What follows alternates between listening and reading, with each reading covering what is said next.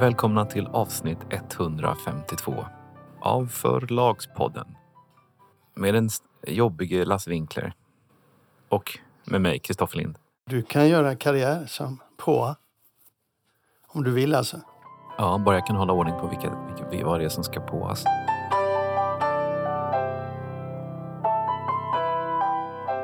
Ska vi börja?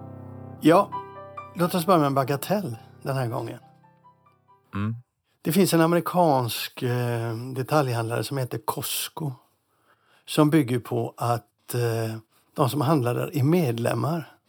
Och så vitt jag har sett på nätet och eh, läst om dem i USA så är det oftast hangarliknande eh, lokaler, jättebilliga priser och eh, det är rätt påvert ut, utförda lokaler rättare sagt. Det är ofta där saker och ting ligger i lådor och så. Men de är otroligt framgångsrika tack vare prispressen och de satsar på böcker. Och nu kommer de till Sverige i höst. Första butiken kommer att ligga i Arninge utanför Stockholm. Och där kommer svenska förlag att få ett helt nytt utrymme att sälja böcker. Men det är väl mer att de har eh, restupplagor eller liksom de, de, har ganska litet, de har ganska ett litet utbud, ett antal titlar. Ja, alltså de har ju, de har ju backlist om man kan kalla det så då. De kommer väl inte ha regelrätta bokavdelningar utan det blir väl bara lite ströböcker. Så att... ja, exakt vet jag inte. Jag vet att de säljer mycket böcker i eh, USA. Men det, det handlar väl lite grann om hur marknaden ser ut också. Men jag tycker det är spännande. Det är sällan jag tycker det när det kommer nya detaljhandlare in i Sverige. Men här tycker jag det ska bli spännande att följa. Alla förlag bör titta på det och eh, se om de kan komma in där.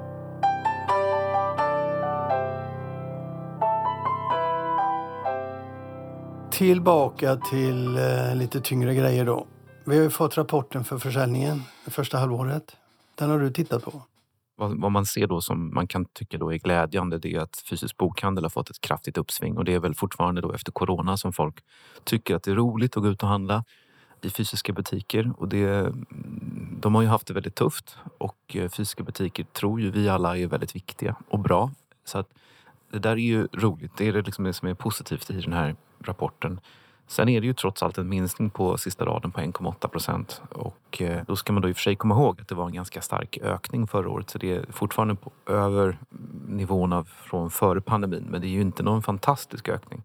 Nätet har ju minskat då. Ja, det är där, det är där man ser det är en förskjutning från nätet till fysisk handel. Men jag har sett att det är många som har kommenterat att eh, gjort en poäng av att eh, streamingtjänsterna nu då för första gången på många år bara växer med 8 procent ensiffrigt och att det är liksom ett trendbrott och att man nu tydligt ser här att, att tillväxten för streaming har planat ut. Och det är ju ofrånkomligen sant å ena sidan. Å andra sidan så är det ju fortfarande en väldigt stor ökning.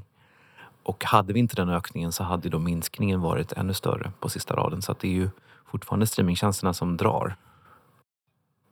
Och fysiska, fysiska böcker minskar alltså trots allt under den här perioden ganska kraftigt. Frågar man näthandeln nu då så är det inte bara så att fysiska butiker har tagit tillbaka en del av sina kunder utan de kan se andra tecken också. När du köper till exempel en bok via Google, när du går in på Google och söker på en bok och sen klickar det vidare till Bokus eller Adlibris så får ju de betala en liten summa varje gång och då kan ju de mäta hur många som söker sig dit. Och där har de sett att den volymen har minskat. Alltså folk går inte ut och letar böcker på Google lika ofta som tidigare till nätet. Mm. En intressant måttstock kan man väl säga. Men samtidigt som det här har skett då, så har ju pocketförsäljningen växt åtminstone i flera olika kanaler. Pocketshop ökar och Adlibris har ökat sin pocketförsäljning i sommar med runt 20 procent. Det är lite intressant kan jag tycka. Är lite intressant men jag, den minskade så pass kraftigt förra året så det är ju fortfarande också återigen från jämförelsetalen är ganska dåliga. Men det, visst är det roligt att det ökar och där, det har ju naturligtvis med återöppningen att göra. Att Pocket Shop ökar så kraftigt det beror ju mycket på att folk är ute och reser och det är folk på flygplatser och tågstationer och sådär. Det ligger också bakom Adlibris eh, ökning tror de. Alltså ja. resandet, att folk är mer intresserade av att köpa Pocket. Om du jämför dina siffror med det här, hur ser det ut då? Alltså mina siffror är intressanta. De, de, jag kan ju se samma sak som i de här stora siffrorna. Vi har ökat till fysisk bokhandel, vi har minskat till internetbokhandel. Så där kan jag se samma sak och vi har ökat till digitala återförsäljare. Men vi ökar kraftigt till digitala återförsäljare och eh, på sista raden så ökar vi med 11 procent. Det är bara vår svenska försäljning så att vi har, skulle man lägga på utlandet så blir det ju mer. Så att, eh, det är ju roligt att Lind Company faktiskt tar marknadsandelar. Ja, fick du skryta lite? Vad var roligt? Ja, det var lite roligt. Ska vi släppa siffrorna där? Ja, vi släpper dem där. En sak som jag tittar på också när jag har ringt runt nu för att mäta stämningen i branschen så var jag nyfiken på det här med prisutveckling på pocket. Hur det skulle utveckla sig. Vi hade ju inslag om mm. det i, i, i våras. Och som blev ja, Bonnier ville ta bort de här prisgrupperna och sådär. Ja, de ville ha fria prissättning och eh, återförsäljare var väldigt förbannade. Och, och, vi hade ju en del inslag om det. Det blev rätt mycket uppmärksammat. Nu finns det ett litet resultat kan man säga. Det finns en ny prisklass som heter M. Men det är inte så som det var förr, att alla förlag och aktörer har varit inblandade i det beslutet. Inte vad jag kan förstå. Prisnivån ligger nu då på 44 kronor EF. Men det är ändå inte riktigt så för Bonniers har valt en egen väg och har en prisnivå på 45 kronor. Eh, och det är bara ett par förlag som har eh, anammat det där 44 nu i sina förhandlingar med framförallt eh, typ Pocket Shop och Pocketgrossisten. Och i slutändan handlar det inte så mycket om vad, om det står 44 eller 45 på F utan vad är nettot, det vill säga vilka rabatter får du? Och det är olika olika kanaler då. Till exempel Adlibris, de tar ju F-priset och lägger på sina, sina pålägg och de hamnar ju idag på en eh, pris på 75 kronor på en pocket. Men de andra aktörerna i fysisk butik de har haft stora problem som vi sa då att de vill inte komma över 100 kronor därför får F-priset eller nettopriset som de betalar inte vara för högt. Och då har de förhandlat och Bonniers böcker får de till ett nettopris som gör att de kan gå under 100 kronor. Norstedts har de tuffare förhandlingar med vilket kommer innebära att eh, båda aktörerna kommer att välja bort Nordstedts böcker i viss mån under hösten. Eh, vilka aktörer säger du kommer välja bort Norstedts böcker? Det är Pokershop och Pokergrossisten. De, de gör ju urval. Jag menar, Ackes har väl svårare att göra sådana grejer, eller, eller fysisk butik, bokhandel. För de ska ha bredare underlag. Men de här organisationerna, de använder sig av ett urval. Så kunderna kommer inte märka att det kommer vara fullt av titlar. Men, och de kommer ju ta Norstedts topptitlar. Men på bredden kommer Norstedts att få svi. De kommer inte att köpa in dem som det ser ut nu. Och vi får se vad det tar vägen. Men just nu så väl, väljer man att välja bort en del Norstedts titlar i sina inköp. Prisbilden är ju sån nu då att just nu Pokershop tar sen 1 juni 99 kronor för en pocket. Och Akademibokhandeln tar också 99 kronor. Så det är liksom det nya nya. Men samtidigt det som var mentalt väldigt viktigt, den här hundralappen ut mot kund den håller ju på att bara försvinna, den eh, tyngden, tyngden i det samtalet eftersom alla tittar på vad som händer framöver. Elsituationen, kriget i Ukraina, ökade inflationen. Och alla förväntar sig att det kommer att komma en allmän prispress upp fortsatt. Och då blir synen på hundralappen obsolet. Jag menar, vem trodde att du skulle få köpa, köpa smör och, och, och Bregott och sådär för 60-70 spänn? i ett sånt läge så, så kan ju inte, kommer inte pocketboken. Säger du Bregott? Jag brukar säga Bregott. Ja, vi säger Bregott då. Då kommer ju inte eh, böcker att ligga kvar såklart utan vi kommer att få se höjningar. Mm. Och, och pocketen tror jag Nej, kommer att hamna över 100 spänn. Men det intressanta här för, för våra lyssnare är kanske Bonniers är ju de som liksom, det är riktkarn på marknaden. De går ut självsäkert så här, vi tar 45 i F-pris och markerar också då att de placerar alla nya titlar i den prisklassen och markerar samtidigt att de kommer att lyfta priset vid behov. Så det är inte längre gruppsamtal här utan alla andra tittar ju hur detta kommer att slå ut och sen kommer, de stora, eh, kommer alla att följa Bonniers tror jag. Men man kan, man kan säga då att Bonnier har eh, det blivit en kompromiss. Från att de ville slå sönder prisbilden helt och ha fri prissättning på pocket så har man gått med på att hålla kvar men man kommer höja alla sina priser till 45 och sen så kommer man delvis att kompensera vissa återförsäljare med högre rabatter. Ja, jag tror att det kommer att bli så att Bonniers sätter nivån och alla andra följer efter. Det tror jag. Ja, det är så det brukar vara. Mm, Ja, vad kommer du göra då? Ja, vi gör så. vi brukar göra så. Nej, men vi brukar, ja, det är ju precis som, så, som du säger, att det är inte så intressant vad, vad, vad Lind Company gör utan det är ju liksom vad marknadsledaren gör. Det det det. Om, om Bonnier höjer priserna så är det idiotiskt för oss att ligga kvar. Så att eh, vi, vi följer självklart efter.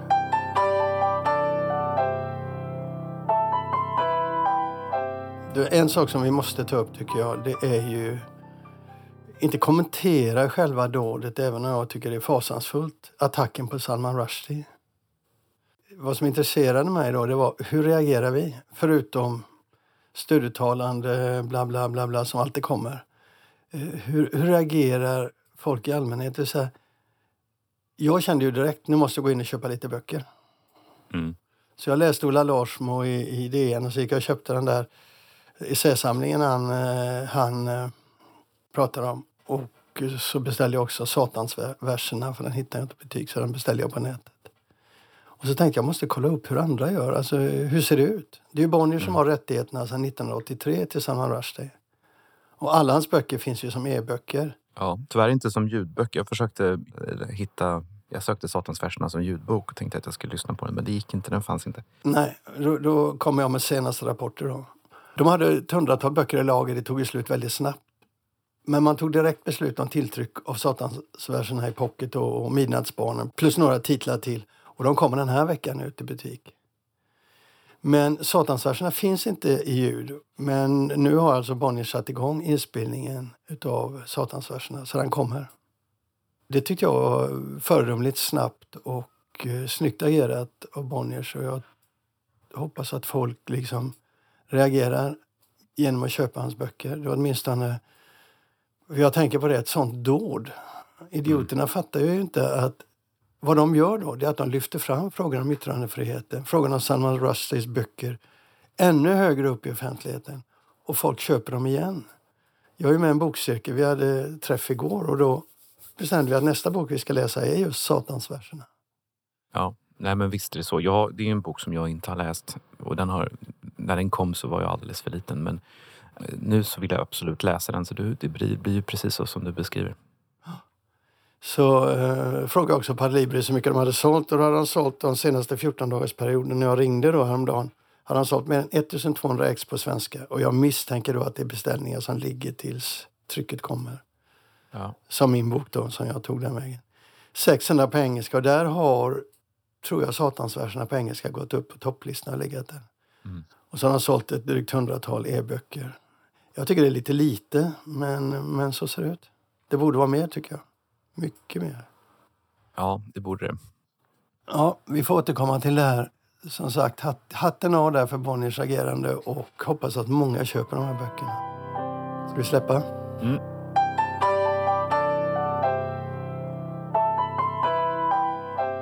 Du har ju varit ute i media nu och kommenterat att en av dina gamla bekanta som du har köpt förlag av också, Thomas Fischer, har dött. Mm. Han var också delägare i Lind Company i rätt många år. Just det. Så att du bättre än jag kan ju prata om Thomas Fischer. Ja, lite kort kan man väl säga att Thomas Fischer gjorde sig ett namn på 70-talet genom att tillsammans med Erik Penser modernisera aktiehandel, aktieförvaltning och förmögenhetsförvaltning. Tidigare så hade man kanske ärvt några Sandvik-aktier och då stoppade man dem i byrålådan och så gjorde man ingenting. Men Erik Penser och Thomas Fischer de började aktivt att söka upp rika människor och föreslå att de skulle köpa och sälja saker och det var något helt nytt. Och det där blev, det blev liksom, det här låter ju som rena 1800-talet men det var verkligen så. Och det där blev liksom eh, upprinnelsen till det som idag är Carnegie. De började på något som heter Langenskiölds bank. Det, fanns, det var en liten privatbank som fanns som blev Carnegie. Och de blev då liksom själva sinnebilden. Eller liksom de, de, fick, de blev representanterna för den nya ekonomin och jag tror att Fischer och Penser var de som hade högst taxerad inkomst på 70-talet, 80-talets början. De låg på så här 8 miljoner då, vilket ju är som 80 miljoner idag. Sen så, Erik Penser gick ju sin egen väg och det gjorde även Thomas Fischer. Han eh, köpte bland annat en del fastigheter. Han hade en egen fondkommissionär som hette Fischer och Partner. Och eh, han var, när han var som rikast så var han god för 2,5 miljard. Det var före då kraschen och då var han en av Sveriges rikaste personer. Men sen kom den här kraschen och eh, Thomas sålde av alla sina skulder. Och Vi, vi han- talar om 2000. Nej, vi talar om fastighetskraschen, alltså ni- eh, den stora krisen i Sverige 1991. Så det här är ganska länge sedan. Jag ger bara bakgrunden. Sen för en större, utanför så att säga, liksom ekonomisfären och börssidorna så blev han också ett namn i samband med Ebbe Carlsson-affären. För det var Thomas Fischer som hade finansierat Ebbe Carlssons privatspaningar på, efter, i samband med Palmemordet. Och det var Thomas Fischer som hade finansierat den hemliga buggningsutrustning som de eh, smugglade in och som ju sen blev då Ebbe Carlsson-affären och som också ledde till att Anna, Anna-Greta Leijon fick avgå som justitieminister. Det är Thomas Fischers mest kända saker. Men sen för förlagsbranschens del så blev han en spelare, en aktör genom att han 1986 köpte Författarförlaget som då var på ruinens brant. Och det var, Författarförlaget var ett förlag som var grundade av eh, olika författare som var missnöjda med sina villkor och som ville ha ett större inflytande över, över sin verksamhet. Och då, så det var ett kollektivt förlag kan man säga som ägdes av många författare. Det var väldigt många bra författare som gav ut sina böcker, eh, en del böcker där. Men det gick väldigt dåligt och 1986 räddade Thomas Fischer förlaget från konkurs genom att köpa upp det. Och då sa han att att äga ett förlag kostar inte mer än en tvåa i Vasastan. Och det kostade då 250 000 kronor. Sen la han till att han inte hade förstått att det var vad det kostade en gång om året. Och sen drev han det där eh, förlaget. Det bytte sen namn från författarförlaget till Fischer Company. Och eh, jag tror att det var du som under din tid som, som redaktör på Svensk Bokhandel skrev att det var förlagschefsstolen på, på Fischer Company var, var förlagsbranschens katapultstol. De som satt där hade en tendens att flyga iväg eller skjuta ut sig själva. Och det var liksom ett förlag som hade väldigt mycket pengar och resurser och kunde köpa rättigheter, kunde också liksom köpa över författare. Så det fanns en utgivning som inte var ointressant. Men det blev aldrig riktigt någon kontinuitet över det hela och det blev aldrig riktigt någon det blev inte något förlag som växte eller som på något sätt var lönsamt. Tvärtom blev det väldigt dyrt. De där 250 000 växte till några miljoner om året som, som blev ganska mycket till slut. Så Thomas tröttnade på det här och eh, i Men låt, han... kan jag få göra ett in, Mm. inpass där? Ja. Om du håller tanken. Alltså jag följer det där med stigande förvåning. Eh, den ena nya inkarnationen efter den andra av Fisher Company. Och det ja, roliga Du var... talar om förlagscheferna. Vad sa du? Du talar om förlagscheferna. Jag pratar om förlagscheferna. Ja. Varje förlagschef som kom in eh, fick totalt fritt mandat och hade tillgång till pengar. Och om den tidigare förlagschefen då inte hade klarat av verksamheten, vilket han inte hade gjort då, även om han gett ut väldigt intressanta böcker, så kom det in en ny som gjorde tvärtom. Och det där höll på i många år. Och jag, en av de sista då, utan att nämna honom vid namn då, jag tror att han bestämde sig för att de bara skulle ge ut titlar från det franska språkområdet. Och, Ja, det var Thomas själv som bestämde. För det, var, ju, eh, det är ytterligare en ingrediens i den här soppan du beskriver. Att han hade förlagschefer som fick fria händer men sen kunde han själv säga det här ska vi ut. Det var kaos, men det var ett väldigt roligt kaos. Och jag förstod inte hur man kunde lägga pengar på det. Men han hade ju outtömligt med pengar då, tydligen. Till slut gick det ju inte längre. Alltså det gick nog... Det var, jag tror... Nu spekulerar jag faktiskt för jag vet inte exakt. Men jag tror att när han gjorde sig av med förlaget så tror jag att det var en kombination av att det faktiskt kostade på. Att de där miljonerna som förlaget gjorde i förlust var pengar som han hellre hade använt till något annat. För att han var inte miljardär. Liksom, och, och, och ett par miljoner om året blir ju en del pengar efter några år. Sen, så det var nog en, en, en sån aspekt. Men sen tror jag att han tyckte inte att det var kul längre. Och han kände sig utnyttjad. Han hade betalat jättehöga förskott och han hade gett ut många författare som så fort som de kunde stå på egna ben eh, hoppade över till andra förlag. Jag tror att det var, han var liksom lite less på det. Han brukade säga att under alla mina år i finansbranschen så blev jag aldrig lurad. Men så fort jag klev in i förlagsbranschen så stoppade folk, eh, högg hög folk knivar i ryggen på mig. Och jag tror aldrig han liksom riktigt förstod koderna. Han förstod inte kulturen. Och han gillade ju att ha mycket pengar och slänga sig med dem. Och det blev liksom en, en väldigt svår balansgång därför att han å ena sidan köpte författare och köpte personal och köpte saker och sen Ja, det funkar ju inte bara. Alltså det, pengarna i, i förlagsbranschen är ju en väldigt viktig del, men inte allt. Och så träffade han dig. Precis. Och vad hände då? Nej, men han, eh, han... eh, Så jag köpte förlaget, men det var ju inte något egentligen riktigt köp. Utan upplägget var så här att han var trött och ville bli av med förlaget. Och eh, samtidigt ville han, han ville stå fast vid och fullfölja ingångna avtal och förpliktelser. Eh, Hans deal med mig var att jag köpte hans förlag för en krona. Och sen så blev han delägare i Lind Company 10 procent och för de 10 procenten betalade han 3 miljoner. Så att förlaget värderades då till 30 miljoner och det här var ju så länge sen, så att det var absolut en värdering som var väldigt generös. Och sen fanns det väl lite kassa också i, i själva bolaget. Så. Och sen så, så fick jag göra vad jag ville med förlaget. Kom han, kom man in och la sig i sen också med förslag på utgivningar och så? Alltså? Nej, det gjorde han faktiskt. Alltså han, han brukade ringa ibland från, från Västindien. Han bodde ju på Sankt Bart. Och eh, hade en del idéer om man borde ge ut någon bok. Han ringde ibland när han hade läst något som han tyckte var väldigt bra. Och det var ju, jag parerade ju det där skickligt. Så att det, det var inget större problem. Men eh, nej, det, han, han la sig faktiskt aldrig i någonting.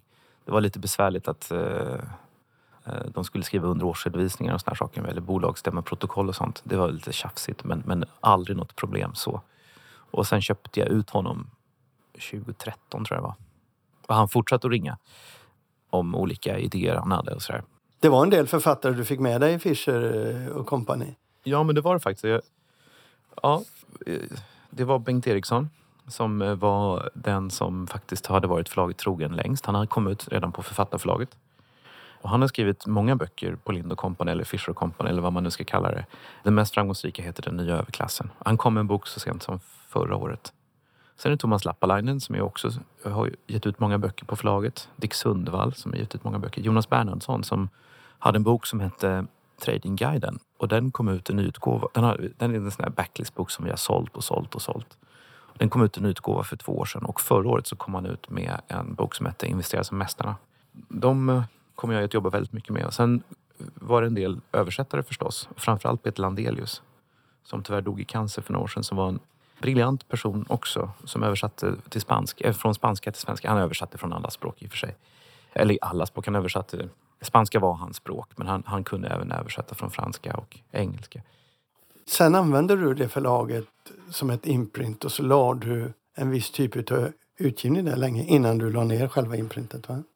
Ja, precis så var det. Eh, I och med att det fanns en hel, Thomas var också intresserad av historia, så det fanns en del böcker om historia. Och då kom jag faktiskt på en annan författare som kom därifrån som fortfarande ger ut böcker här och som har en bok på gång. Och det är Anders Johansson.